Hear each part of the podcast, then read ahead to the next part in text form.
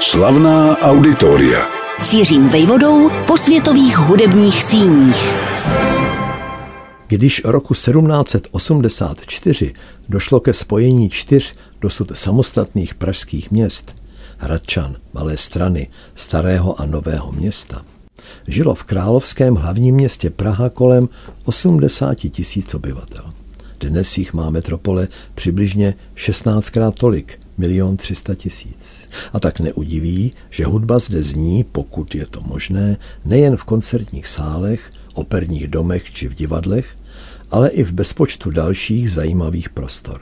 V kostelích, kaplích, anebo třeba na zámcích. Hlavní město jich má ku podivu několik desítek, zachovalých či dokonce vzorně udržovaných, například ve Ctěnicích či ve Chvalech.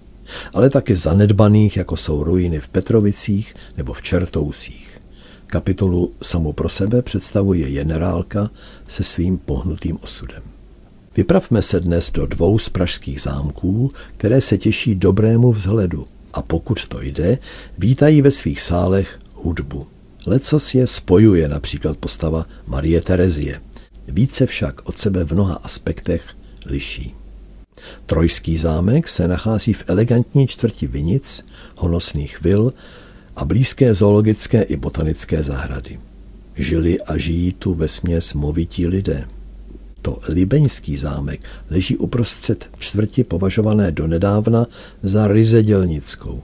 Místem, kde chodíval Arno Šlustik v dětství do synagogy, která se později stala skladištěm divadelních kulis a poskytla zaměstnání Bohumilu Hrabalovi.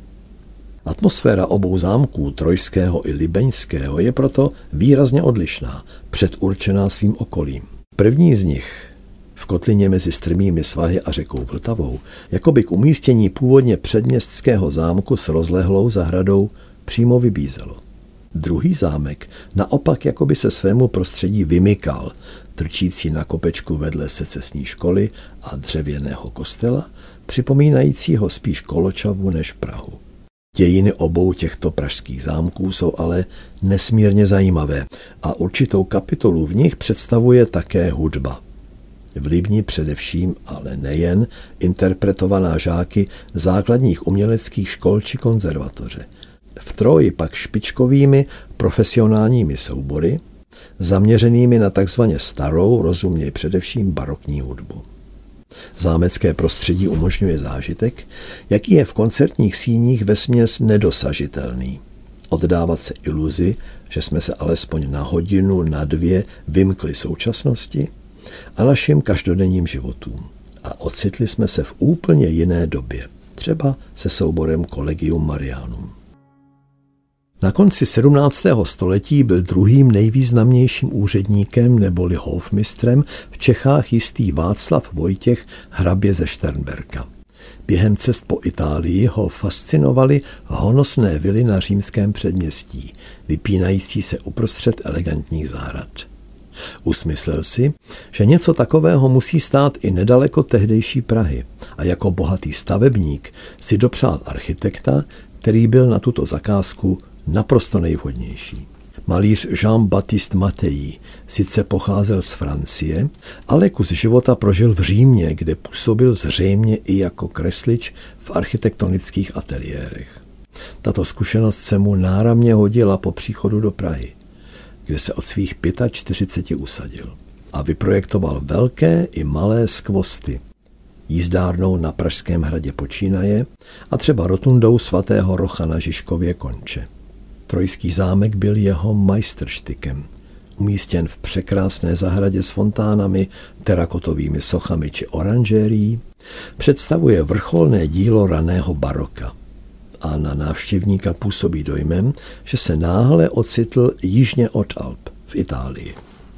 Trojskému zámku vévodí velký císařský sál, vysoký přes dvě patra a lemovaný chodbami, z nich se vchází do jednotlivých salónků.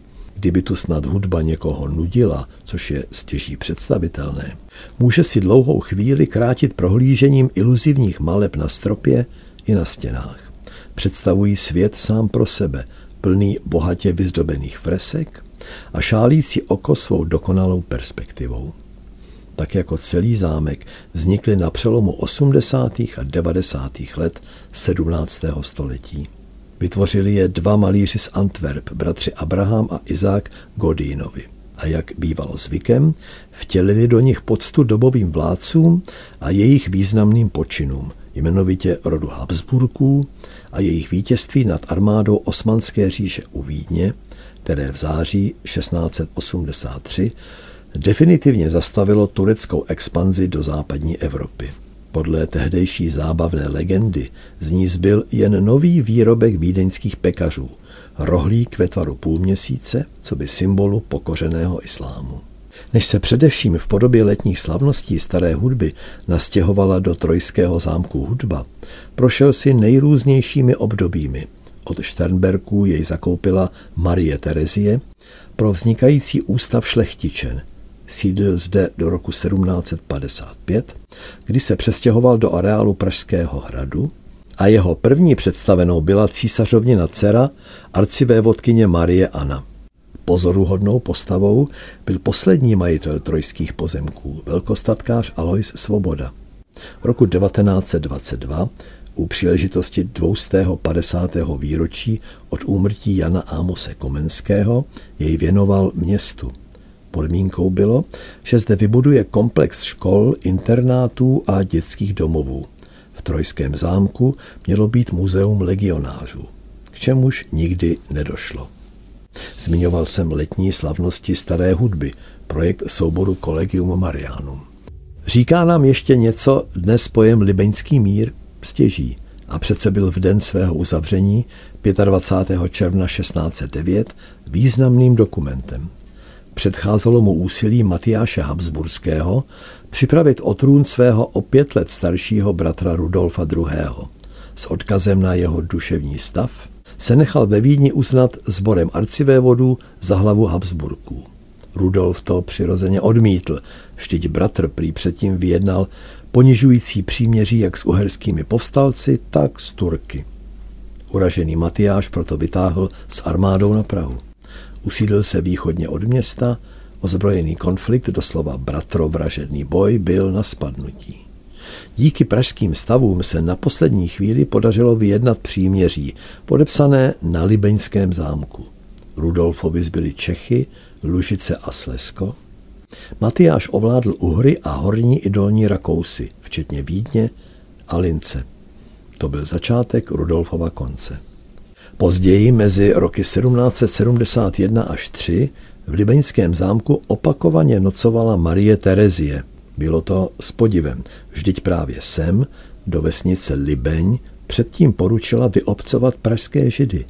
Vinila je z finančních sabotáží za války s Pruskem, kterou roku 1742 prohrála. Postupně se však ukázalo, že bez židovského kapitálu ztrácí Praha co by křižovatka obchodních cest na významu a císařovna vzala roku 1748 svůj příkaz zpět. Naopak si Libeňský zámek oblíbila jako své rezidenční sídlo během inspekcí Prahy a nebo vznikajícího terezínského opevnění.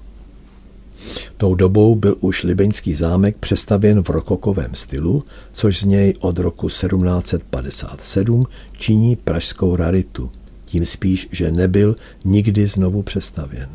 Přitom sloužil mnoha zájmům, byl letním sídlem pražských primátorů i vojenským lazaretem, morovým špitálem či později vychovatelnou pro mravně narušenou mládež. Teprve poté, co byla Libeň roku 1901 připojena k Praze, se proslulý zahradní architekt František Thomayer ujal zahrady za zámkem a přetvořil ji v sady plné cených dřevin. Rozkládají se ve svazích s panoramatickým výhledem na město. Slavnostní sál zaujme rokokovými freskami, které z části renovoval počátkem 20. století malíř Jakub Obrovský. A díky mobiliáři ve stejném historickém slohu je cená také kaple na nebevzetí Pany Marie. Od počátku 90. let se v Libeňském zámku konaly v době Pražského jara záslužné koncertní cykly. Vystoupila zde řada žáků základních uměleckých škol či z konzervatoří. Občas se tu konají i recitály, vystoupil zde například klavírista Daniel Wiesner. Zdá se to omšelé připomínat, ale je mrzuté, když mnozí z nás obdivují třeba zámky na Loáře, aniž by znali zámky v České republice. Od, co já vím, klášterce nad Ohří až po Hradec nad Moravicí, abych zmínil jen dva, jež jsou známé i díky hudebním festivalům, které v nich pravidelně probíhají. Není ale dokonce třeba ani putovat po celé republice. Zámky, do jejichž vyzdobených zdí se obtiskly tóny, se, jak vidno, vyskytují i na území Prahy. Vhodným způsobem tak svou náplní přispívají k hudebnímu životu v hlavním městě. A máli návštěvník koncertů zájem, může si zároveň připomenout zajímavé události z naší historie. Například Troja či Libeň se svými zámky jsou této historie plné. Prý už samotný Buddha kdysi proslovil větu, ke které se často vracím. Všechno, co ve světě hledáš, najdeš pár metrů od svého domova. Slavná auditoria.